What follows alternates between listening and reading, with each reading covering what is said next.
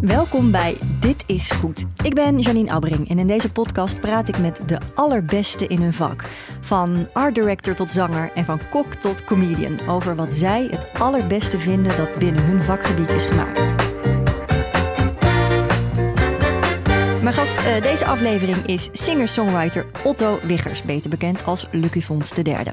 Bekende songs van hem zijn Ik heb een meisje en Linde met een E. En hij heeft nu net zijn achtste album uitgebracht met de titel Hemellichaam.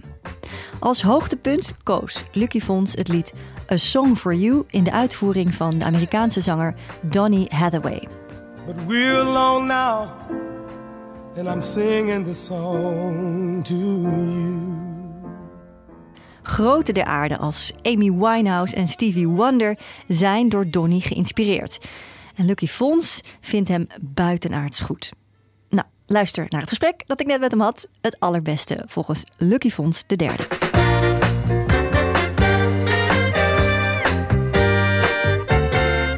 Lucky Fons de derde, welkom. Het fijn dat je er bent. Dankjewel, fijn om hier te zijn. Een aantal feitjes over jou, zodat mensen een beter beeld krijgen. Ja. Uh, je studeerde Engelse taal en letterkunde, studeerde af op Bob Dylan, koos niet voor een carrière als docent of academicus, eh, academicus maar voor de muziek.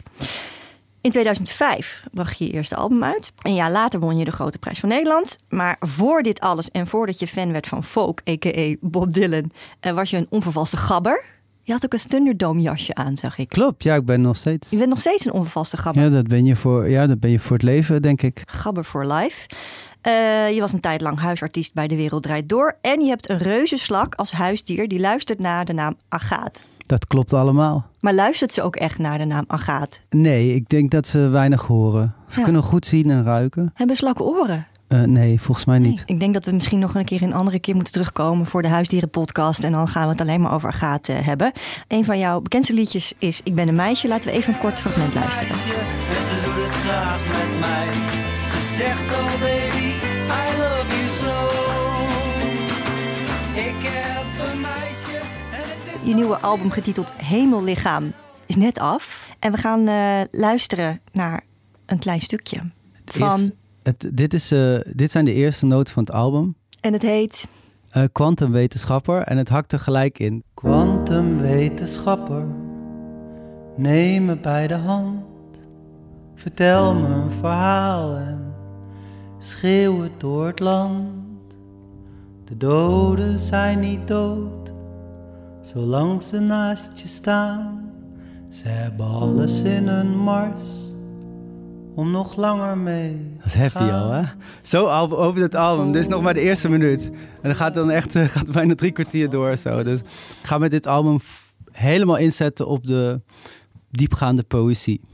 Ja, en ook op troost. Klopt. Ja, dat is een thema. Ja, klopt. Ik heb dit vanochtend vroeg al geluisterd. En uh, uh, toegeven, ik was net wakker. Maar en, en daardoor misschien ook sneller geëmotioneerd. Terwijl hoe ik luister het nu weer en het, is nog, het komt net zo hard binnen. Ja.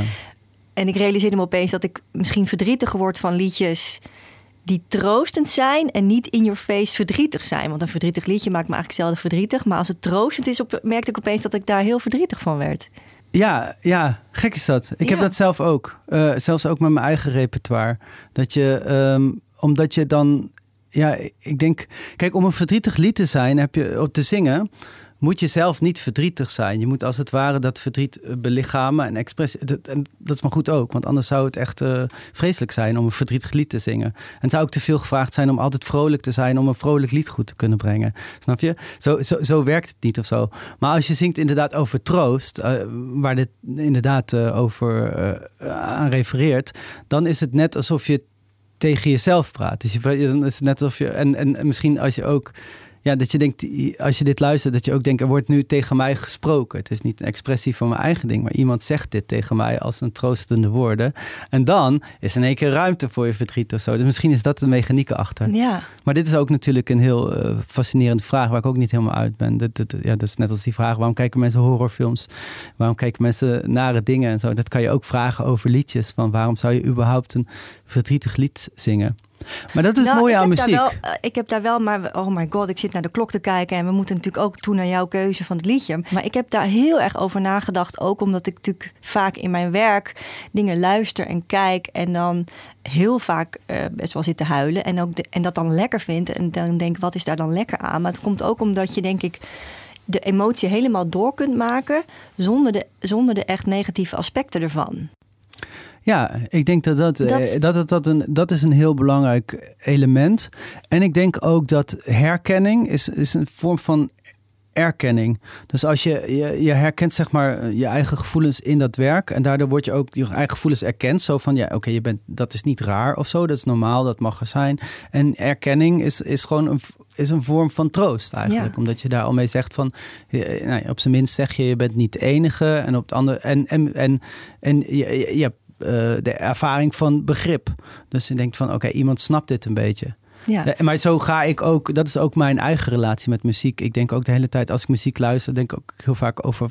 Nou, het gaat, als het mooi is, dan denk ik altijd, het gaat over mij of hoe raakt het aan mijn leven of zo. eh. Maar gelukkig, eh, alles wat we net hebben gezegd slaat ook heel erg op het nummer dat jij hebt gekozen. hè? Absoluut, daarom wou ik dit ook Dus- laten horen, omdat het, het, het, het- het- op de een of andere manier had dit voor mij een beetje dat Tony Hathaway gevoel. Maar daar gaan we het over hebben, toch? Ja, zeker. Want we vroegen jou om te kiezen ja, wat je vandaag het beste liedje vindt. Ik, en ik dacht, ik zeg expres vandaag. Want eh, het is, lijkt mij evident dat gisteren of morgen kan het weer anders zijn misschien. Ik bedoel, je leven verandert en dus ook de soundtrack van je leven.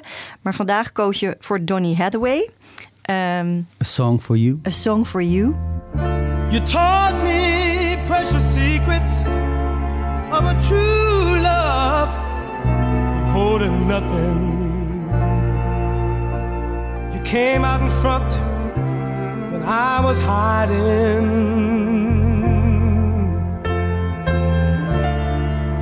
Now I'm so much better. And if my words don't come together, Listen to the melody, cause my love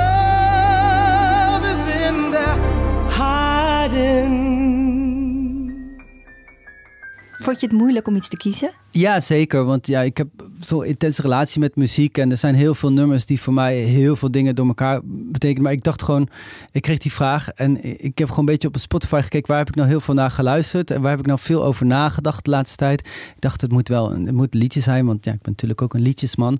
En toen dacht ik bij dit nummer, hier valt zoveel over te zeggen. En dit raakt me zo elke keer. En het raakt me elke keer op, op een andere manier. Ik heb het vanochtend ook gehoord.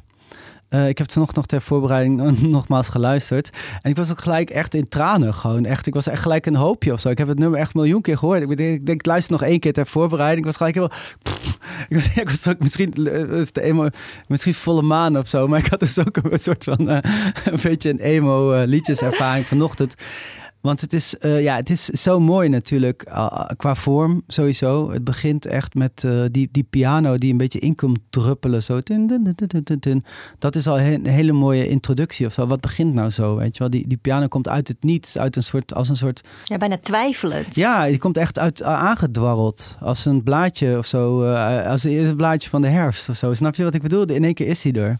En laten, dan, we even, laten we even ja. luisteren.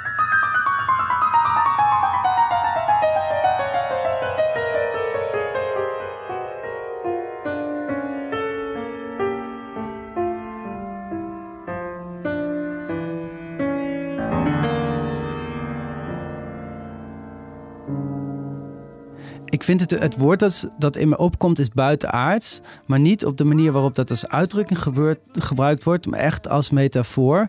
Omdat ik vind het dus, het is heel mooi. Bijna niet van deze aarde mooi.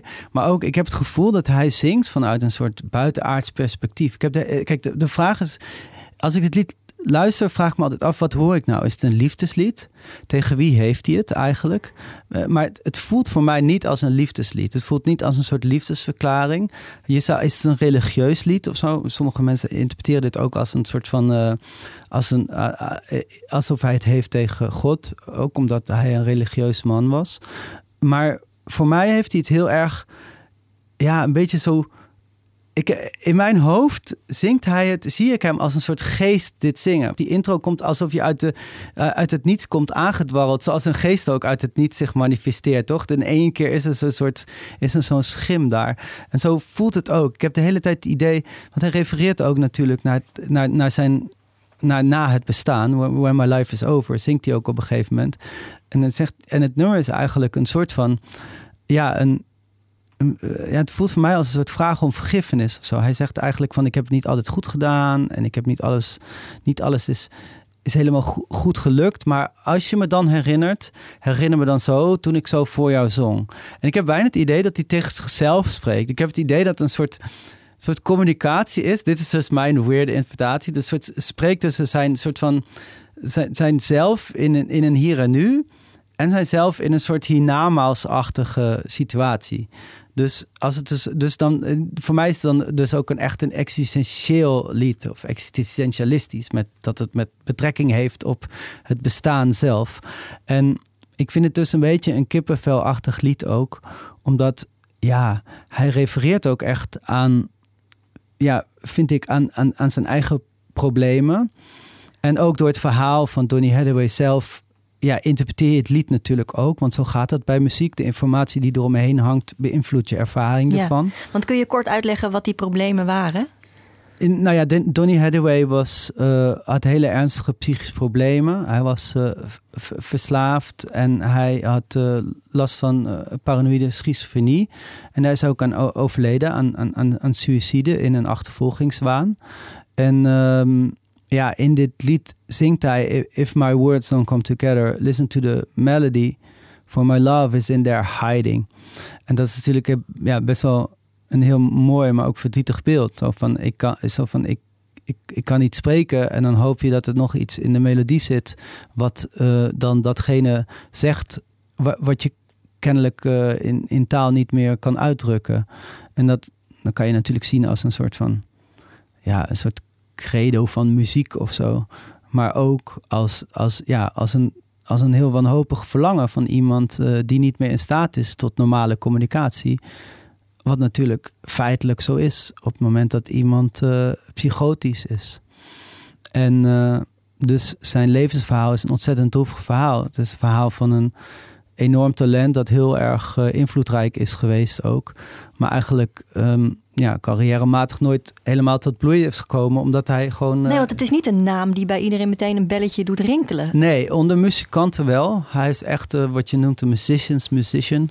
Dus hij zijn, zijn, de, zijn manier van zingen heeft ook heel veel, uh, echt veel bekendere namen dan hem beïnvloed. Mm -hmm. uh, Stevie Wonder. Pharrell, Amy Winehouse. Dat zijn allemaal mensen die heel erg hun manier van zingen eigenlijk geënt hebben op, op Donny Hathaway? Op, op, ja, op Donny. Maar zelf is, hij... Ja, hij heeft ja, heeft niet echt super grote hits gehad ook. En ik moet ook zeggen, het is best wel ook sophisticated soul. Als in, het is niet zeg maar de Otis Redding stijl. Uh, weet je wel, waar, waarbij je de hele tijd waarbij je echt zo schreeuwt en dat het heel, wat eigenlijk dichter bij rock roll zingt van you got to hold this, weet je wel, dat, dat ding doet hij niet. Het is bijna meer klassieke muziek. Ik bedoel, dit nummer uh, ligt dichter bij uh, Ravel of zo dan, dan, dan bij uh, Otis Redding, toch? Ja, en, en, het heeft ook wel een gospel gevoel. Ja, zeker. Ja, een kerkelijk ja. gevoel. En ik heb wel eens het idee dat dat, dat, dat in Europa dan minder registreert. Ja, dus minder registreert dan de rock'n'roll versie van Soul. Dus wij kennen wel Aretha Franklin en en, maar, maar bijvoorbeeld Donny Hathaway of Roberta Flack, die ook, uh, waar hij ook veel mee samenwerkt. Dat is dan, soms heb ik het idee dat als het te sophisticated is of zo, dan lijkt, dan, dan lijkt het wel alsof in Europa minder interesse is. Daar heb ik ook nog hele theorieën over, maar het is een andere podcast. Oh. even kijken, ik schrijf even mee. Dus we hebben de reuzenslakken en we hebben de, ja, voor andere podcast. Um, het is uh, niet door hem zelf geschreven, hè? misschien ook niet uh, nee. belangrijk om even te noemen. Het is geschreven door Leon Russell en door hem voor het eerst in 1970 uitgebracht. Ja. Maar dan is het een heel ander nummer. Maar je, je zegt het is niet door hem geschreven. Het klopt ook. In de zin mhm. van dat hij heeft niet de tekst en de melodie geschreven. Maar ja, alles. Eh, je, je de manier waarop je het brengt verandert natuurlijk ook de betekenis van alles of zo. Dus, dus ja, technisch gezien heeft hij het niet geschreven, maar ik vind het wel echt zijn nummer. Want als ik het hoor, Leon Russell of zo, vind ik het ook helemaal niet zo interessant nummer. Nee.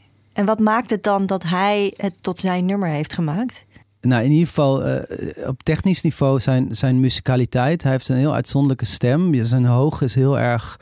Als hij hoog zingt, is het echt een heel helder en, en mooi geluid. Bijna een soort, soort, soort een soort trompet lijkt het wel als hij hoog zingt. En als hij laag zingt, is het in een heel breed, een soort van rustig en bijna gruisig geluid of zo. Zoals een, zoals een, een cello of, of een contrabas die gestreken wordt.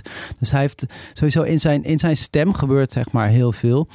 En ook natuurlijk um, zijn, zijn pianospel, want hij speelt dat spel, veel, die piano. En, en hij heeft het ook gearrangeerd zelf.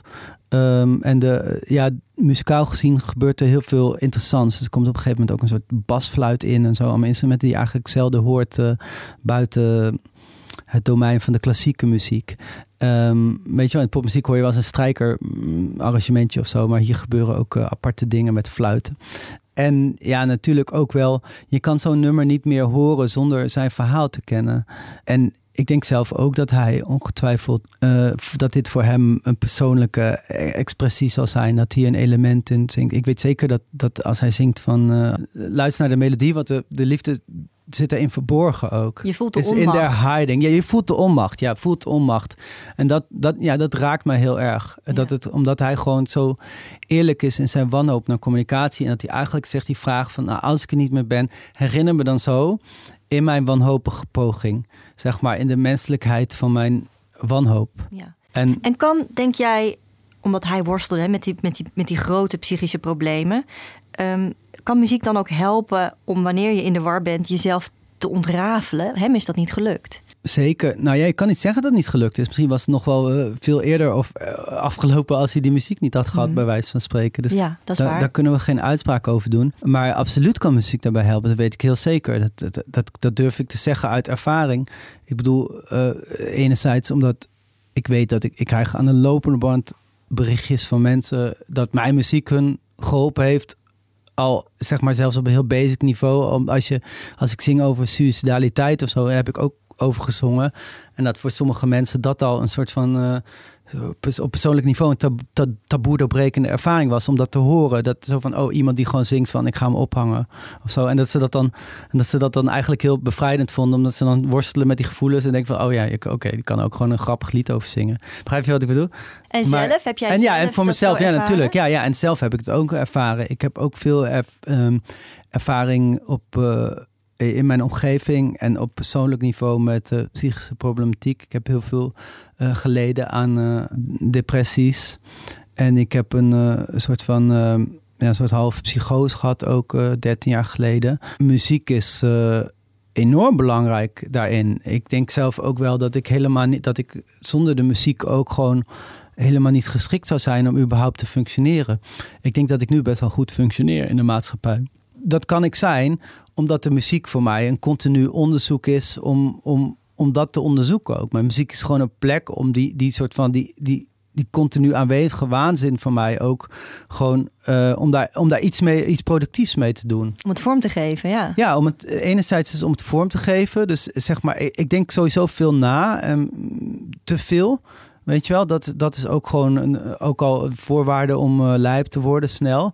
Maar omdat ik kan, ik kan altijd daardoor, ik kan er altijd iets mee. Ik kan een tekst schrijven, ik kan liedjes over schrijven. Dus dat alleen al. Dus als een soort van, ah, ja, als een soort loze van, ja. van die- Ventileren. ja, ja. dus- ja, ventileren. Dus dat enerzijds. Anderzijds kan je ook gewoon door te schrijven nadenken over jezelf. En daardoor dingen in perspectief zien. En ehm, ook, eh, en je, je, kan, ja, je kan jezelf ook eh, troosten, zoals we het net hadden over. En ook, ja, ik kan mijn, mijn negatieve ervaringen eigenlijk maken tot iets wat een heel positief effect in de wereld heeft. Een mooi lied, waar andere mensen dan weer eh, steun aan hebben. Ja. Of zelfs, ja, of misschien op alleen, al- als ze alleen al op een oppervlakkige manier eh, gewoon genieten van de beat en de melodie, dan is het ook al eh, ja, iets heel waardevols. Toch had het niet kunnen bestaan zonder die dingen. Het was het niet waard geweest, denk ik. ik had, als ik een keuze had gehad, dan had ik liever dat niet meegemaakt. Die halve psychose bedoel jij? Ja, Ja, en, en, ja, en de depressies en alles Mhm. en zo. Nou, soms zeg je wel eens van, je, je, zo van, je hoort wel eens mensen het een beetje romantiseren. Zo van, dankzij dat ik dat heb meegemaakt, ben ik nu in staat om uh, dit te creëren. En ook al is dat zo, dan vind ik het nog niet uh, waard geweest, zeg maar. Dan was ik misschien liever gewoon een, in een hele oppervlakkige campingband had ik dan gespeeld, denk ik, of zo, weet je. Maar dat had ik ook leuk gevonden. Ieder jaar nou, melk. Ja, maar dat had ik gewoon, ja, maar dan was ik gewoon zo, uh, weet ik veel, Robbie Williams kofferzanger geworden of zo. En dan dat, kan alsnog, hè? Ja? Ik kan alsnog. Ja, precies. Ja, nee, maar ik denk dan van... Ja, ik denk wel eens, wat was er van mij geworden... als ik niet al die uh, uh, problemen had gehad op psychisch niveau. Mm, en dan denk ik van, nou, dan was ik misschien gewoon... Uh, ja, ja, gewoon een beetje een soort van... Ook een muzikant, maar dan, maar dan, maar dan misschien oppervlakkiger. Maar, maar het is, ja, muziek is juist wonderbaarlijk daarin. Hadden, muziek kan uh, kan zoveel dingen tegelijkertijd doen. Mensen gebruiken het ook voor alles. Hè. Ze gebruiken het om dingen te vieren, maar ook om.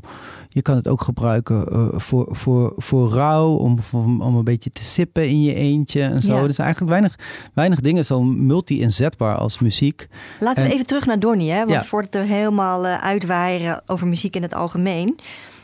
Ja, Donny Hathaway inspireerde dus artiesten die nu iedereen tegenwoordig kent. Hè? Stevie Wonder, Amy Winehouse, dat noemde je al.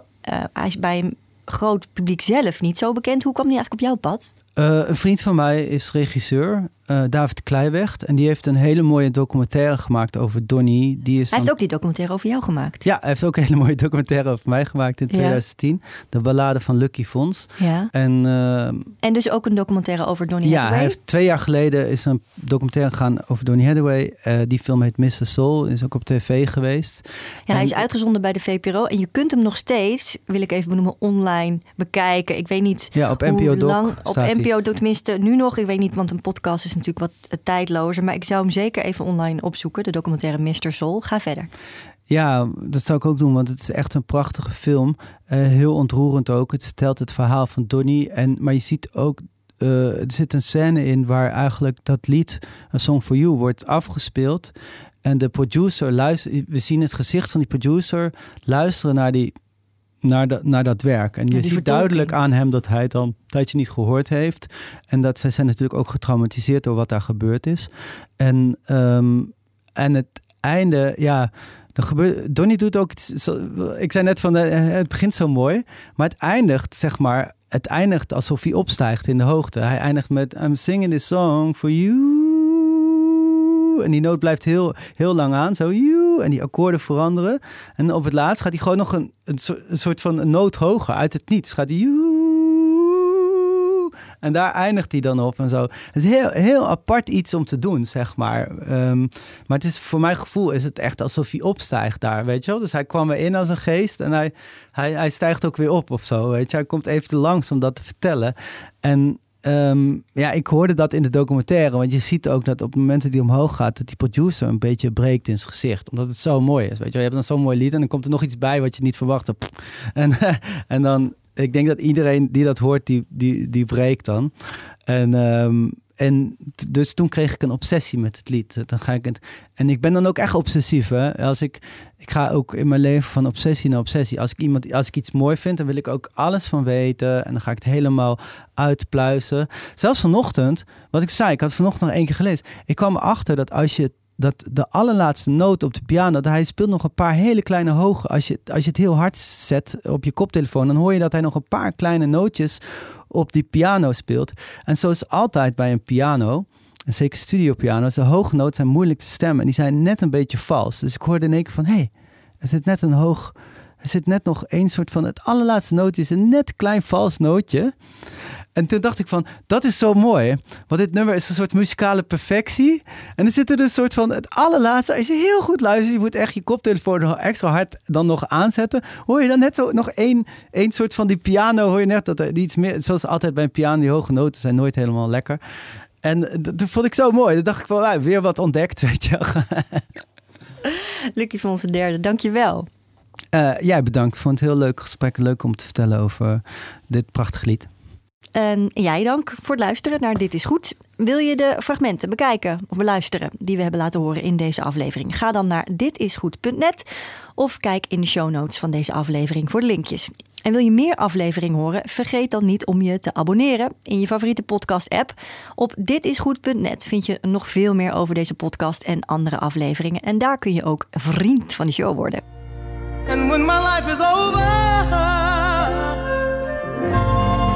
remember when we were together. We were alone, and I was singing this song to you.